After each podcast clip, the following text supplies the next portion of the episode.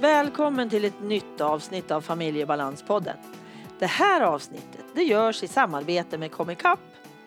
Det är ett hjälpmedelsföretag som du hittar på comicap.se. Gå in där och kolla. Och titta vad de kan erbjuda för hjälpmedel. I det här avsnittet så pratar jag med Eva. Hon är förälder till en son med ADHD och Asperger. Vi gör inspelningen via telefon och någon bit in där så kan det tänkas att ni hör en liten hund i bakgrunden. Ann-Katrin Aureliusson heter jag som driver den här podden. Jag arbetar som NPF-coach, handleder personalgrupper och föreläser inom NPF. Så allt det jag gör handlar om neuropsykiatriska funktionsnedsättningar.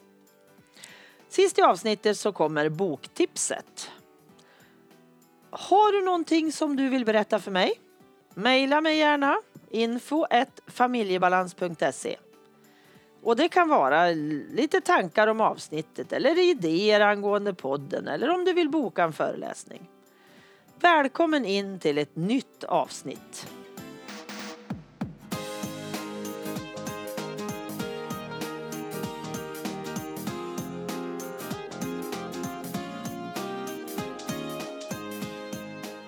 Välkommen Eva till Familjebalanspodden. Tack så mycket. Det ska bli jätteroligt att prata med dig och ha med dig i ett avsnitt. Så det först... Kul. Det... Ja, förlåt. Det är kul att få vara med. Ja, jag tycker det är jätte, jätteroligt. Nu har ju vi pratat lite före och vi har pratat vid ett, an, vid ett tillfälle innan och haft en ja. del kontakt via Facebook och sådär för vi har bara träffats väldigt kort. Om ja. det var förra året kanske. Tror jag. Ja, ett och ett halvt år måste det nästan vara. Eh, näst, ja, snart två ja. faktiskt. Mm. Det var nog, ja precis ett och ett halvt år ungefär är det när jag var och föreläste mm. nere i Trelleborg. Men då var det bara en väldigt kort stund för det var mm. inte så mycket tid till att sitta och prata. Men, precis, det är ju så det är. Ja, men då får vi prata nu istället. Och eh, mm. det känns som att vi har så mycket gemensamt och så många grejer som vi behöver dela med oss av. Mm.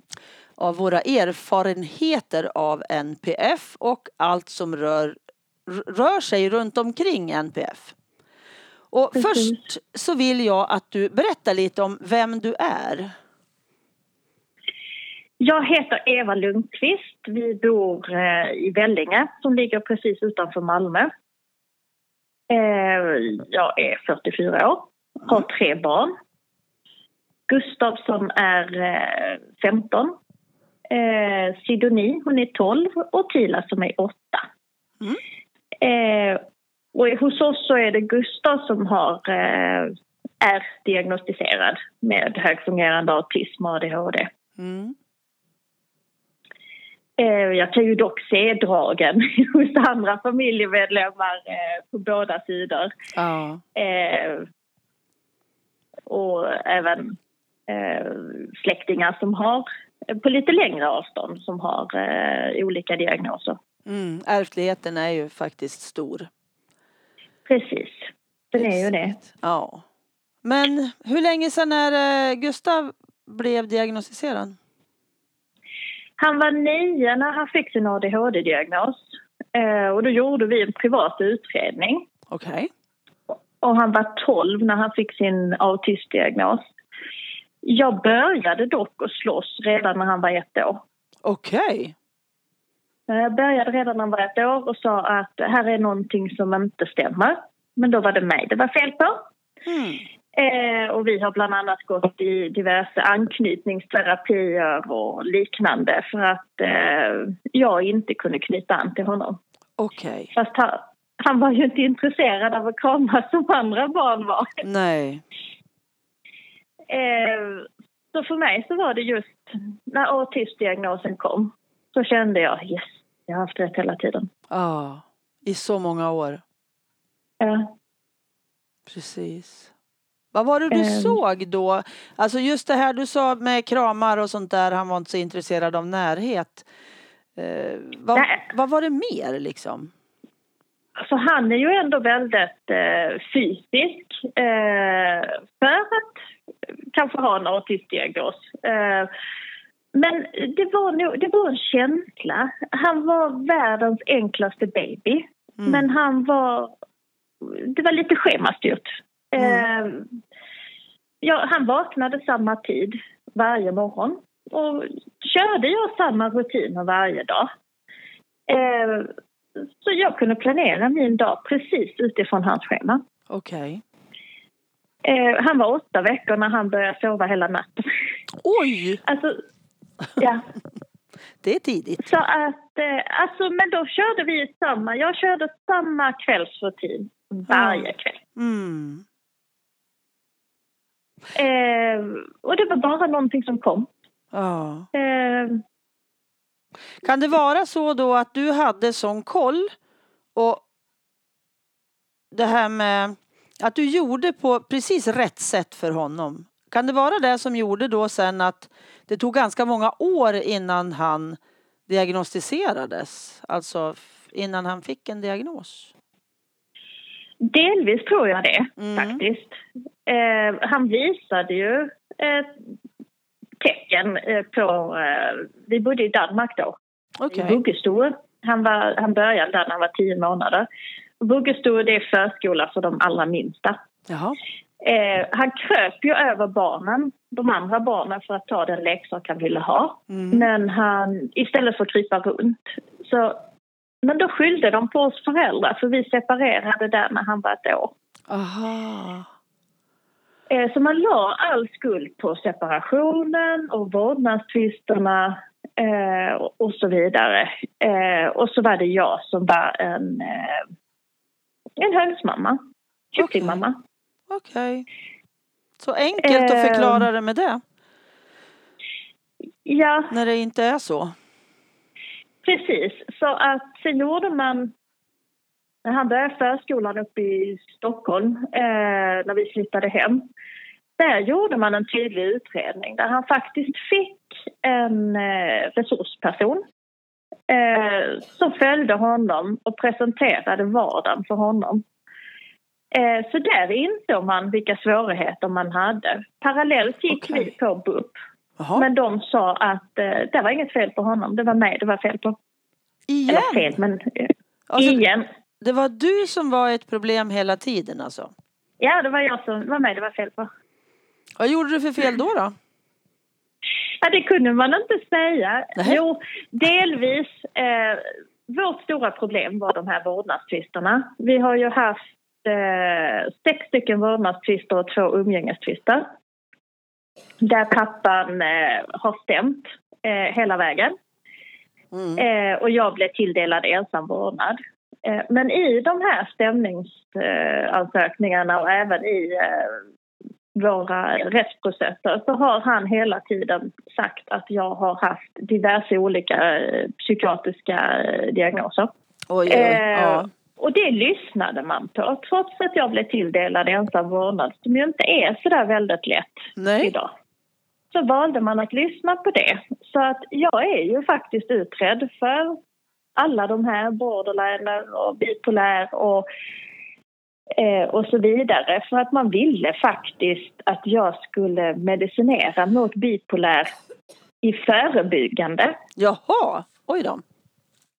Trots att man inte kunde se eh, någon maniska perioder utan det enda man kunde se var en utmattning. Men herregud! Mm. Det låter ju inte klokt. Eh, så jag har faktiskt papper på att jag inte har någon psykiatrisk diagnos. Precis, Tänk att man la pengar på det ja, istället att, för att diagnostisera mm. de som behöver det. Ja, men typ. Eh, nej, så, han, så vi gjorde den här eh, ADHD-utredningen när han var nio. Eh, och den pekade ju på eh, en tydlig ADHD. Eh, okay. Och han fick började medicinera väldigt kort tid efter. Eh, och redan tredje dagen med medicin så ser jag ju ett förändrat beteende. Jaha, vad såg du? Jag, jag stod och pratade med honom uppe på hans rum och samtidigt så börjar han att plocka undan sina saker. Oj. Det har hade aldrig hänt. Nej precis, så säger jag i mun på dig. Och sen Ja. säger han själv, men mamma, varför har vi inte gjort detta tidigare? Åh. Den där torktumlaren i huvudet, den Mm. står still. Åh. Ja du. Så jag är ju en av de här föräldrarna som gladeligen drogar mina barn. Mm. Ja, det låter hemskt. Men eh, han har fri vilja att ta sin medicin eller låta bli. Mm, Han mm. tar den varje dag. Precis. Så vi, vi har haft tur med Ja. medicin. Eh, Jag kan inte hålla med dig riktigt där att man drogar faktiskt. Nej, Lite det är ju skämtsamt. mer- Ja, jag förstår det. Precis, för det är ju det folk säger. Ja. Eh, men vi, vi vet ju idag eh, hur många där är som eh, man önskar hade fått Ja. en diagnos i ungdomen. Och så är det väldigt vuxna människor som har försökt att eh, självmedicinera under hela livet Ja. med sådana som har fått betalt ett så högt pris. Mm. Mm. Eh, Precis. och det är ju så hemskt. Det är förskräckligt. Mm. Men förhoppningsvis så ska det ju vara bättre idag än för många år sedan, om man säger för 40 år sedan. Precis. Då trodde man ju inte att det fanns. Då var det ju bara bråkiga människor som inte skärpte sig. Ja. Och det går inte att skärpa sig när jag har en funktionsnedsättning. Det går ju inte. Nej, det är ungefär som att man skulle säga till någon som är rörelsehindrad. Ja, men Ja. om du vill så kan du resa dig upp på din rullstol. Mm, Ehm, precis. Om jag kan så vill jag. Inte du kan om du Precis. vill. Utan man måste vända på det. ja, För om jag har möjligheten så gör jag det. Men när det inte finns möjlighet till det för att hjärnan fungerar på det sätt den gör. Med de Precis. här funktionsnedsättningarna, alltså de här delarna som inte fungerar som de ska. Då går det ju inte. Så är det ju bara. nej. Nej, eh, och just det här med anpassningar och tillpassningar när alla förutsättningarna stämmer. Ja, Ja, men då kan de. ja Kanske. Kanske, Men ja. oftast. Eh, de kan ju mer. Mm. Och det är ju det är ofta de tillfällena man tar upp. Eh, jag vet vi har pratat om det tidigare, det här med superkrafter. ja. Eh, ja, när allting stämmer, när Ja. alla förutsättningar är på plats. Ja, då kan vi få fram superkrafterna. Ja. Eh, men då ska det vara tillpassat och anpassat ja. så att det passar den här personen. Ja. För jag kan faktiskt lika som du bli rätt irriterad på det här att ADHD är en superkraft. Den är inte det i sin, alltså i sin obehandlade form. Då tror jag att ADHD är svår att, att se som superkraft. För då skulle jag inte Precis. behöva diagnosen. Det är ju det. Eh, för det är just den biten jag är lite rädd för. Att börjar vi prata om superkraft, ADHD som superkraft, så kanske man slutar att diagnostisera. Skolorna slutar att Mm. anpassa. För varför kan, en, varför kan inte du när alla andra med ADHD Ja. kan? Det blir fel. Ja, det man blir tar det jättefel. liksom ur sitt sammanhang. Jag tycker också det. Jag blir ganska illa berörd när jag hör att jo men ADHD är min superkraft. Ja men då finns det ju säkert så mycket som är tillrättalagt innan Mm. den blir en superkraft. Och då ska man komma ihåg att ta med det och berätta om det också då.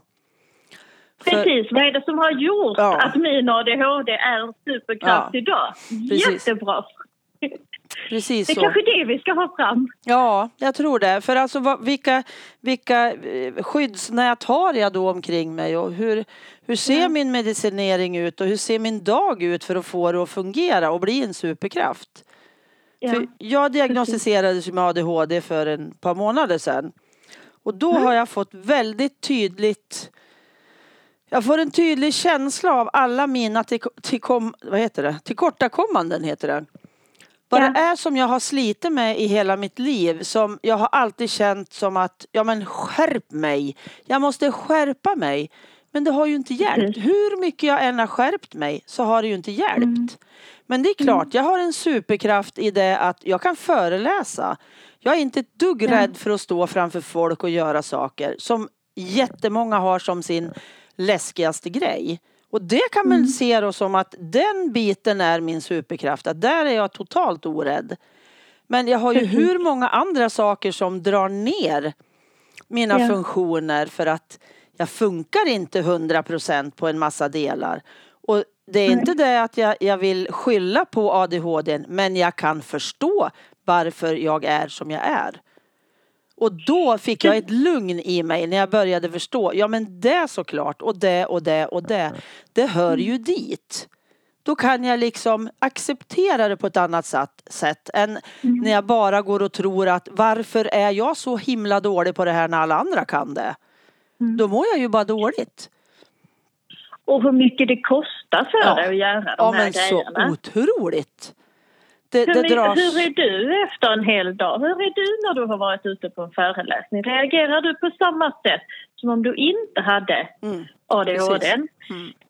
Eh, eller är du trött? Behöver du återhämtning? Mm. Eh, eller mer återhämtning? Alltså den biten, det Ja. pratas det ju inte heller så mycket om. Utan, eh, och det vet jag för mig själv när jag eh, drabbades av utmattning. Eh, jag trodde jag var lat. Ja men exakt. Eh, så jag sprang ännu fortare. Oh. Jag blev riktigt, riktigt sjuk. Mm. Eh, och hjärnan fullständigt kopplade ifrån. Mm. Eh, idag så vet jag ju, alltså jag förstod ju inte, Gustav var ju mitt första barn. Mm.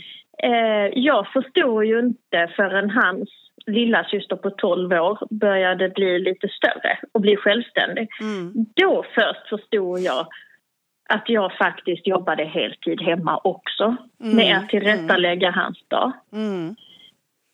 Eh, och bara det hur tidigt jag steg upp på morgonen för att se till så att jag var färdig innan jag väckte barnen.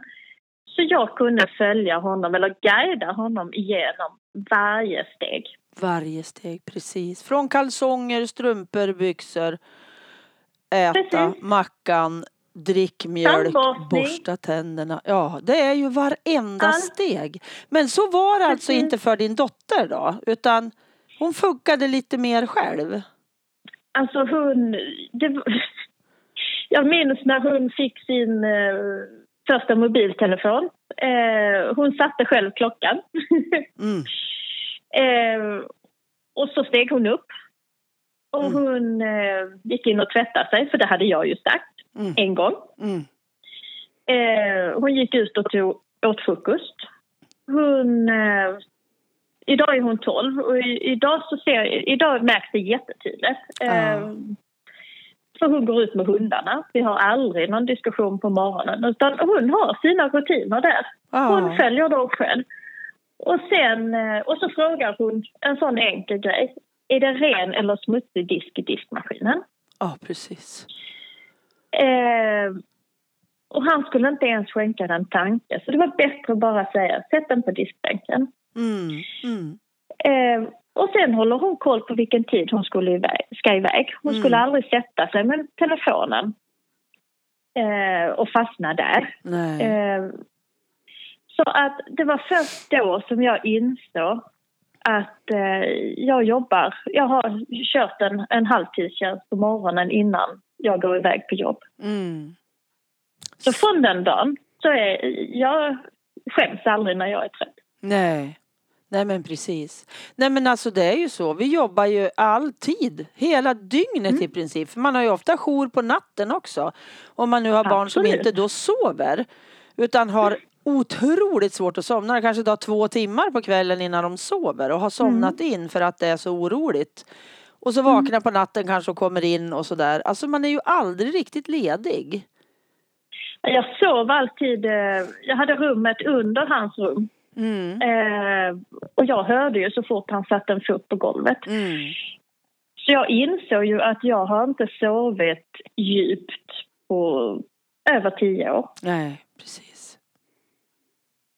Så han var en, en enkel bebis egentligen. Men sen blev Ja, det det, mer svårigheter ju äldre han blev. Vad jag förstår. Ja, han, alltså han satt ju gärna i sin vagn med en bulle och en bok. Och Okej. så gick han ju in i sin bubbla där. Eh, så jag har kunnat gå och shoppa i vilken affär som helst hur länge som helst. Mhm. Eh, och det var ju först när de andra barnen kom som jag förstod att det är inte normalt. Nej. Eh, och sen var han... Han började få mer problem i skolan. Eh, i, vi bytte klass, eh, eller bytte skola till honom. I an, när han gick från andra till tredje, det var där han fick sin diagnos under sommaren. Mm. Eh, och då hade han inte uppnått ett enda mål. I tredje Okej. klass får han en lärare som är fantastisk. Hon delade upp lektionstimmarna i 20 minuters pass. Barnen fick själv välja vad de ville börja med. Båda Okej. ämnena skulle göras, Ja. men de fick själv välja. Det var tyst i klassrummet och hon satt bland barnen. Okej. Så hon, hon anpassade det eh, efter hans behov. Ja. Eh, hon lärde barnen teckenspråk Jaha. för att de inte skulle störa varandra med att prata. Ja, Att jag behöver gå på toaletten eller jag be- tack för hjälpen eller jag behöver hjälp eller... Ehm, och han, eh, de här nationella proven där i trean. Eh, för mig så var det bara att han var, han var glad för att gå till skolan. Okej. Så när hon säger till mig, jag tycker du ska titta på resultatet. Så säger vet du jag struntar i det. Jag har ett barn som är glad för att gå till skolan. Mm. Men jag gick in och tittade. Han hade alla rätt, Wow. utom två. Okej. Han hade två fel. Ja. Otroligt. Eh, och sen bytte han ju lärare. Då märkte vi ju mer och mer när han började fjärde klass. Eh, de ville bilda sig en egen uppfattning. Ja. Där började problemen komma in. Ett uttryck jag hatar kan jag säga. Ja, Det är det värsta Eh, man satte honom bland annat vid eh, dörren ut i korridoren där eh, förskoleklassen höll till. Och jag Okej. frågade lite snällt, hur tänkte ni nu? För jag Ja. tänkte de måste ju ha en tanke. Ja.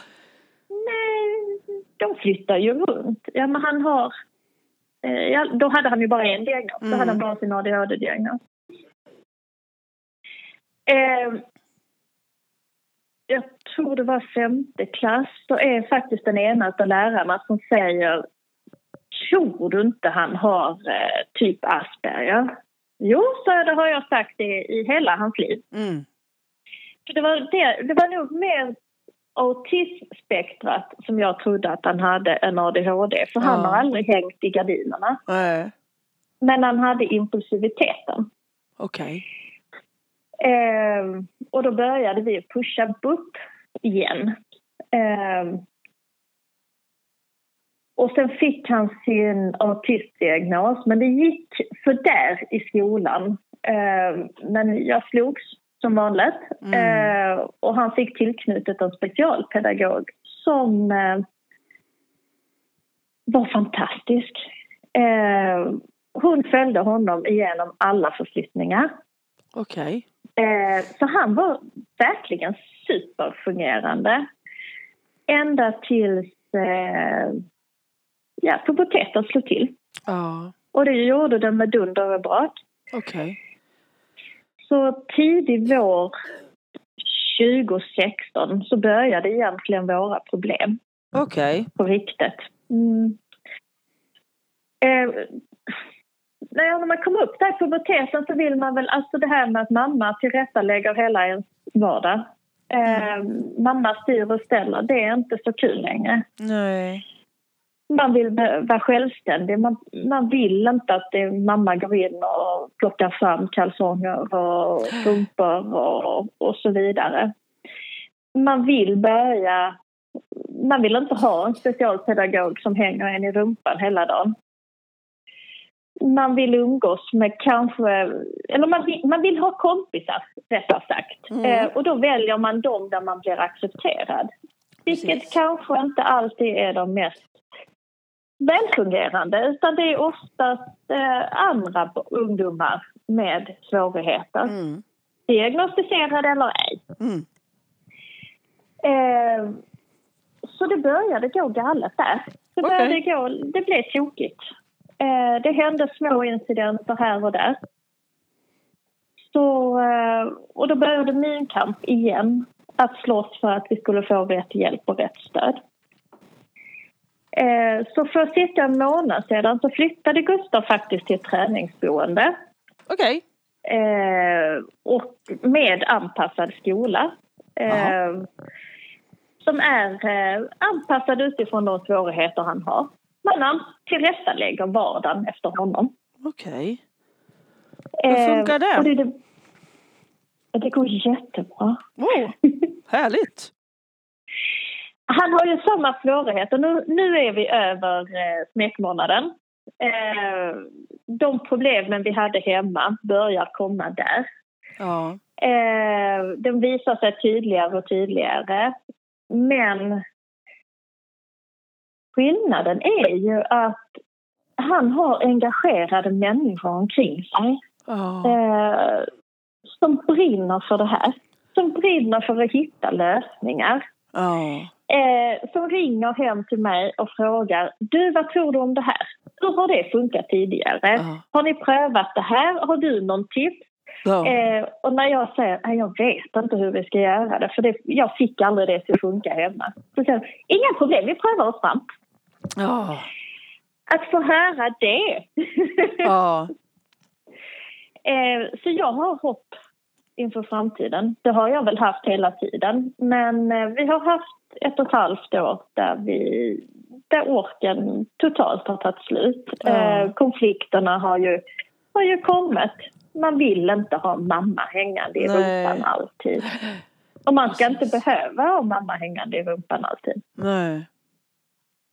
Eller framför, som talar om Nej. nu ska vi. Nej men då är det alldeles Ehm. utmärkt att det är någon annan tänker jag. Ja, eh, vi har ju fått en relation som vi inte har haft på de här två åren. Mm. Eh, att gå ut och ta en fika med honom och sitta och prata. Alltså det är guld värt. Åh det är Eh. underbart. Att göra sådana saker. Och hans syskon, eh, de har ju börjat få en relation igen. Eller en bra relation.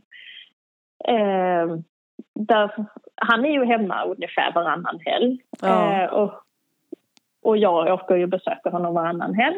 Eh, det är inte längre än att jag kan köra. Eh, det är en timmes resa ungefär. Ja. Eh, och då ber han om att lilla syster, den äldsta, ska följa med. Aha. och hon ber om att få lov att följa med. Eh, och det säger en hel del tycker jag. Ja, för många gånger också så är det ju ett jätteproblem. Syskon och den personen eller ungen som har en eh, Mm. diagnos. Det är ju, för många är det ett jätteproblem alltså i familjerna. När syskonen är halvt ihjälslagna emellan varven alltså. Och det har, för det har jag ju sett hos oss. De har haft jättesvårt. Att, de har ju ett och ett halvt år emellan mina då, Martina och Marcus. Och de har inte haft en relation förrän de blev vuxna. De har liksom inte, de har inte klarat av att orka med varandra för det har varit för mycket. Bägge har haft så mycket slitit med sig själv så de har inte klarat syskonskapet liksom. Precis. Eh, och det har vi ju också upplevt. Och där, just det området har jag ju slåss väldigt mycket för. Mm. Eh, vad med syskonen? Mm. Vad med oss som familj? Mm. Eh, utan att liksom få, få gehör för det. Mm. Eh, för jag bad ju socialtjänsten om hjälp och där eh, vi faktiskt gjorde, själv gjorde orosanmälan Ja. eh, för syskonens skull. Men eh, då sa man, jag och eh, barnens pappa, vi separerade tidigt i våras. Då sa man att de kan bo hos sin pappa. Okej. Eh, så är de skyddade. Mm. Men det är ju inte heller rätt. Nej men det går Vad ju sitter, inte. de, vad sitter de med för känslor? Men även det här med eh, våld i eh, familjen där barnet faktiskt är förövande låter jättehemskt. Men så är det ju. Och det är ju utifrån deras svårigheter. Det är ju inte för att de vill slåss eller att de Nej. har en tanke bakom utan det handlar ju enbart om deras svårigheter. Ja, för det smäller innan de ens hunnit tänka många gånger. Precis. Det går ju för Eh, fort. Ja, och frustration, att, Ja. inte, att det inte fungerar. Har du då haft en jättejobbig dag, alltså allting blir fel. Mm. Eh, och det, det har gjort ont i mig. Ja, såklart. Usch. Och det har varit viktigt för mig att vara öppen med att ja, men mina blåmärken kommer faktiskt av det här. Ja. Det har varit att så. folk förstår. Ja. Ja. Ja. Ja, det är faktiskt så illa så att jag har polisanmält honom för våld. Ja. För att få socialtjänsten och kommunen att reagera. Mm. Och det är ju faktiskt, jag tänker så här att det är säkert många som kan tänka, förfasa sig över det. Man kan ju inte polisanmäla sitt barn. Jo, när man behöver hjälp. För det är ju inte om att sätta dit dem utan det är ju för att det Nej. ska lyftas till ytan och jag ska få den hjälp eller ungen ska få den hjälp den behöver för att få det till ett fungerande värdigt liv. Det är ju det. Precis, för det var ju det. Då hade vi ju redan slåss rejält Mm. eh, för att försöka få hjälp till honom. Mm. För att vi visste att han behöver en anpassad skolgång där förutsättningar, rätt förutsättningar finns. Eh, och han behöver, eh, vi behöver en part ifrån mamma. För jag, Mm. jag orkade inte, syskonen behövde också få lite stöd. Och man bara vägrade. Mm. Man öppnade fyra utredningar Okej. som bara, där man faktiskt sa, ja men han har det så bra hemma. Ja. Ja men det här är inget värdigt liv varken för honom eller för oss. Nej. Och det, alltså, det är så hemskt. Mm. Eh, så mycket av min, alltså ja, den biten, det gör ont att tala om att eh, vi har upplevt det här. Mm. Och det gjorde ont att gå hem på polisstationen och säga jag vill göra en anmälan för Mm. mitt barn har Mm. misshandlat mig. Mm. Men hade turen att möta den ljuvligaste polis man kan tänka sig. Okej, vad härligt Ehm, att det blev rätt. det blev så rätt. Jag fick till och med eh, en kod med mig hem. Så Mhm. sa hon, om det händer igen så ringer du med detsamma. Och så uppger du den här koden Mhm. så att de som kommer på plats vet hur de ska hantera situationen. Jaha. Och de ringer inte på dörren, de går direkt in. Ja. Så att vi inte gör fel, säger hon. Nej. Alltså, så det finns änglar. Det finns änglar, ja. Och det är väl det kanske man är så rädd för många gånger också. Man vet inte vem är det som tar emot mig när jag gör den här anmälan eller oros, alltså till polisen eller orosanmälan. Får jag den förståelse jag behöver? Mm. För då är man så skör och så på botten redan innan man behöver göra det. Så att då måste man få möta helt rätt person. Det är ju så. Precis. Eh, och det är ju där vi kan göra en skillnad. Ja, Att våga berätta. ja. Precis. Att tala om att vi... Du är inte ensam. Eh, det här är ganska vanligt. Det förstod jag sen när jag gick ut på Facebook och frågade. Mm. Eh, för jag sökte ju på nätet och där står ingenting. Okej. Så gick jag ut i en av de här Facebookgrupperna och frågade är det ingen annan som har upplevt det här? Och då var vi ju väldigt många. Ja. Eh, och ja, jag känner att jag har ett ansvar att Mm, mm. då dela med mig av mina erfarenheter. Precis. Och som du säger så finns det ju en hel del Facebookgrupper för Precis. föräldrar, för personer med eget funktions, egen funktionsnedsättning, alltså NPF-diagnos. Det finns ju en hel del om man söker på NPF eller Mm. föräldrar eller så om man känner att man behöver prata med någon. Precis. Alltså skriva med någon där då så att, eh, Mm. och man får jättebra stöd. Och det är väldigt många Precis. man hittar och speglar sig i också där. Så. Alltså att bara få höra någon som har lite större barn, man kommer och berättar Ja. någonting som ens eh, andra vänner utan diagnosbarn Mm, eh, och de tycker det är förfärligt men de här som är vana mm. säger åh, det är han inte den första som har gjort. Nej. Nej, sen är liksom... eh, Så man känner hur axlarna de sjunker ner igen och man kan andas vanligt. Och så, Ja. jaha, vad skönt. Ja, ja, men dina barn, de är ju hyfsat välfungerande idag. Ja, men då finns det hopp för mitt också. Ja, precis. Och, eh, och där är vi nu. Mm. Att jag har verkligen hopp för framtiden vad det Mm. gäller honom. Mm. Så ljuvligt att höra.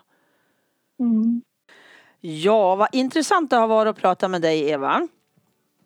Och jag tänker så här att vi har så himla mycket att prata om så att vi kommer att avbryta den här avsnittet nu och så kommer vi tillbaka och så kör vi ett avsnitt till om Ja. några andra ämnen som är jätteintressanta. Så vi säger tusen tack Eva och hej då. Tack själv och hej. Och så återkommer vi med ett nytt avsnitt. Mm. Bra. Hej då. hej.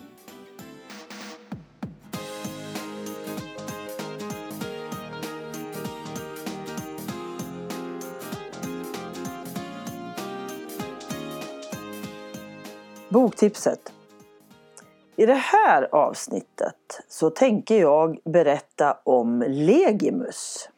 Legimus handlar om att har du en svårighet att läsa i vanliga böcker då kan du få tillgång till Legimus och det är genom biblioteket.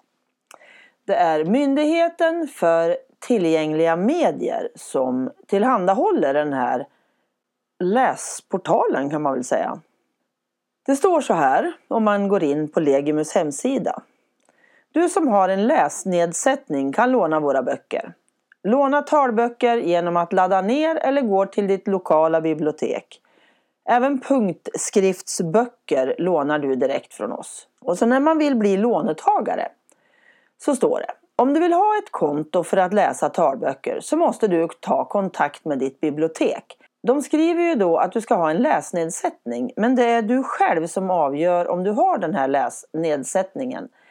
Den kan vara att du har läs och skrivsvårigheter, en synnedsättning, andra fysiska funktionsnedsättningar, exempelvis rörelsehinder och hörselskada, en intellektuell funktionsnedsättning, neuropsykiatriska funktionsnedsättningar som autism eller ADHD eller annan NPF-diagnos eller en tillfällig läsnedsättning. Så att det är väldigt många som har möjlighet att få låna bok via Legimus och du behöver inte visa intyg på att du har en läsnedsättning. Så varsågod säger jag. Gå in på datorn, ut på nätet och eh, leta reda på Legimus och läs själv där så får du se att eh, det finns bra hjälp att få. Jag själv läser via Legimus. För jag tycker det är jättesvårt ibland att läsa när det är liten text. Och genom att jag har koncentrationssvårigheter så behöver jag Legimus. Testa du med om du känner att du behöver det. Tack för att du lyssnat. Tack till Pelle för musiken, Pernilla Wahlman som fotade, Marcus som fixar poddloggan och så till Anders för att du redigerar mitt prat. Och tack till Comicap för samarbetet. Gå gärna in på iTunes och lämna en recension. Sånt gör mig jätteglad. Eller om du vill gå in på Familjebalanspodden på Facebook och lämna en recension. Det är också sånt där som glädjer mig jättemycket. Hoppas vi hörs igen. Hej då!